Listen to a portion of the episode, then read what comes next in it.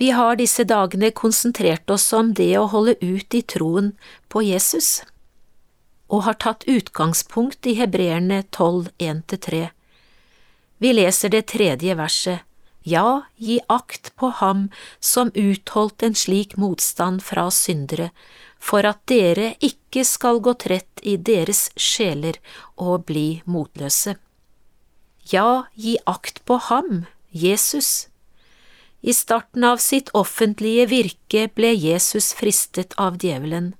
Etter 40 dager og 40 netter med faste ble han til slutt sulten. Da møtte fristeren opp. Han setter alltid inn når vi er trette og benytter seg av våre svake sider. Så er han der med fristelser om mat, snarlige løsninger og makt. Hvordan reagerer Jesus da? Jo, han viser til hva som står skrevet, og det er det som er viktig for oss også. Kjenner vi Skriften? Vet vi hva Gud sier i sitt ord? Jesus viste fristeren bort med Guds ord. Det står skrevet, Herren din Gud skal du tilbe, og Han alene skal du tjene. Det er ikke så fremmed for oss å bli både trette og motløse. I slike situasjoner er vi sårbare og et lett bytte for fristelser. Gå da til ordet, gi akt på Jesus.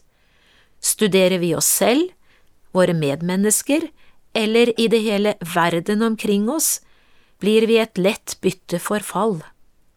Men la oss gå til Jesus. Han vet hva det vil si å være prøvet, og han har vist oss veien å gå. Jesus kjenner godt til å være misforstått, feiltolket, sett ned på, spottet, anklaget. Kan dette være noe av din opplevelse også? Jesus forstår deg. Han ble også slått, spyttet på, hånet. Å bli spikret til et kors var en stor vanære, men Jesus led tålmodig. Han gikk veien foran oss, han ryddet den slik at du og jeg i dag har han å gå til med alt. Når Jesus henger på korset, ser han nemlig deg og meg for seg. Han ser en hel verden for seg. Han ser en verden fylt med fortapte mennesker som sauer uten hyrde, og av kjærlighet til alle disse menneskene lider han tålmodig. Hele verdens frelse avhenger av at han holder ut. Forfatteren av hebrebrevet ønsker å oppmuntre og istandsette oss til etterfølgelse av Jesus. Vi kan ikke sone verdens synd slik Jesus gjorde, det var det bare Gud selv som kunne, men i etterfølgelsen av ham har vi mye å lære. Med sin utholdenhet gir Jesus oss et nytt mot. Han gjorde alltid sin himmelske Fars vilje, og selv brenner han også av kjærlighet. Jeg og Faderen er ett, sier han i Johannes 10, 30.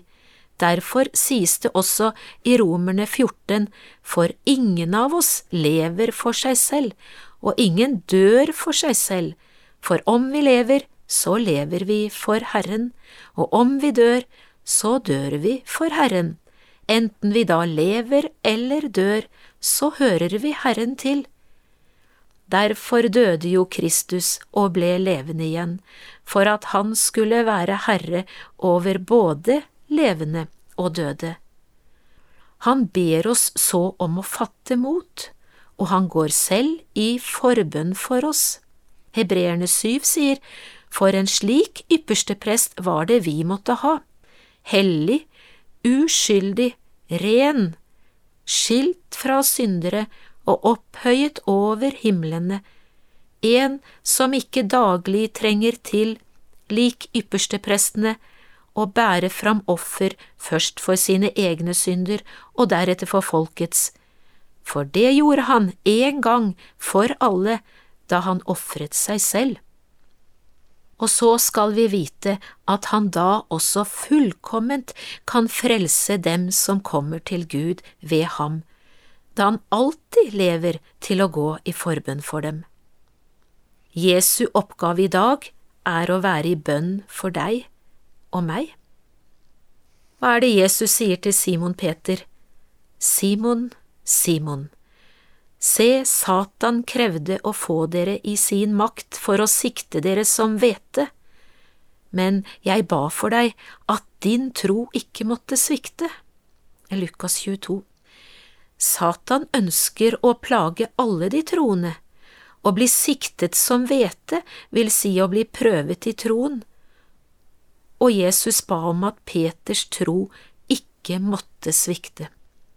La oss se på en av personene som nevnes i Hebreerne tolv, disse som sto fast ved sin tro. De var ikke fullkomne mennesker, de hadde feil og mangler som oss, og de gjorde ikke alltid det rette, men de holdt fast ved troen på Herren. Josef er en av disse. Vi kan gjerne si at han hadde skyld i det selv når brødrene hans la ham for hat. Det kan synes som han skrøt av seg selv når han fortalte drømmene sine til dem. Men vi vet at alt det han så i drømmene senere gikk i oppfyllelse. Som 17-åring ble han av sine egne brødre solgt til noen kjøpmenn på vei til Egypt. Brødrene dekket over salget med en forkledd løgn om at han sikkert var drept av et villdyr. Etter mange år traff de hverandre igjen, men da var Josef den som sørget for utdelingen av mat i Egypt under en stor hungersnød. I alle år før dette hadde Josef bare én ting å gjøre, og han gjorde det. Han hadde ingen annen å stole på enn Herren, Israels Gud. Midt iblant et fremmed folk med fremmed språk, kultur og fremmede guder holdt Josef fast på troen på Israels Gud. Han var, i alle oppgaver han ble satt til, tro imot Gud, og Gud velsignet ham. Også de som hadde ham i sin tjeneste, ble velsignet. Allikevel havnet han i fengsel og var der i over to år. Dette fordi han ikke var villig til å følge en fristelse fra Potifars kone. Hvordan skulle jeg kunne gjøre denne store ondskap og synde mot Gud, sier han. Tilsynelatende små sidespor er store synder mot Gud.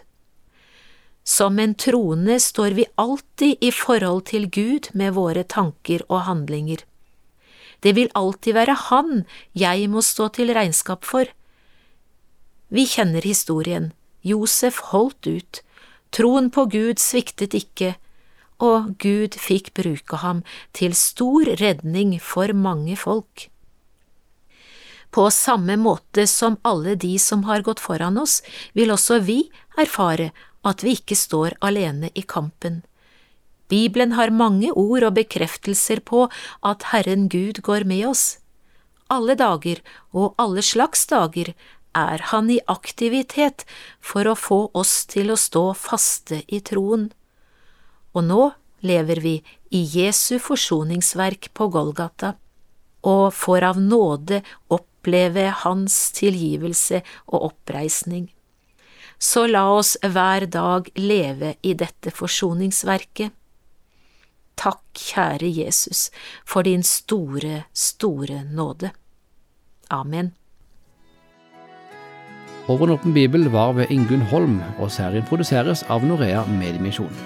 Hver fredag har vi åpen forbundstelefon, og du kan ringe oss mellom 9 og 11.30 på telefonnummer 3814 5020. 3814 5020.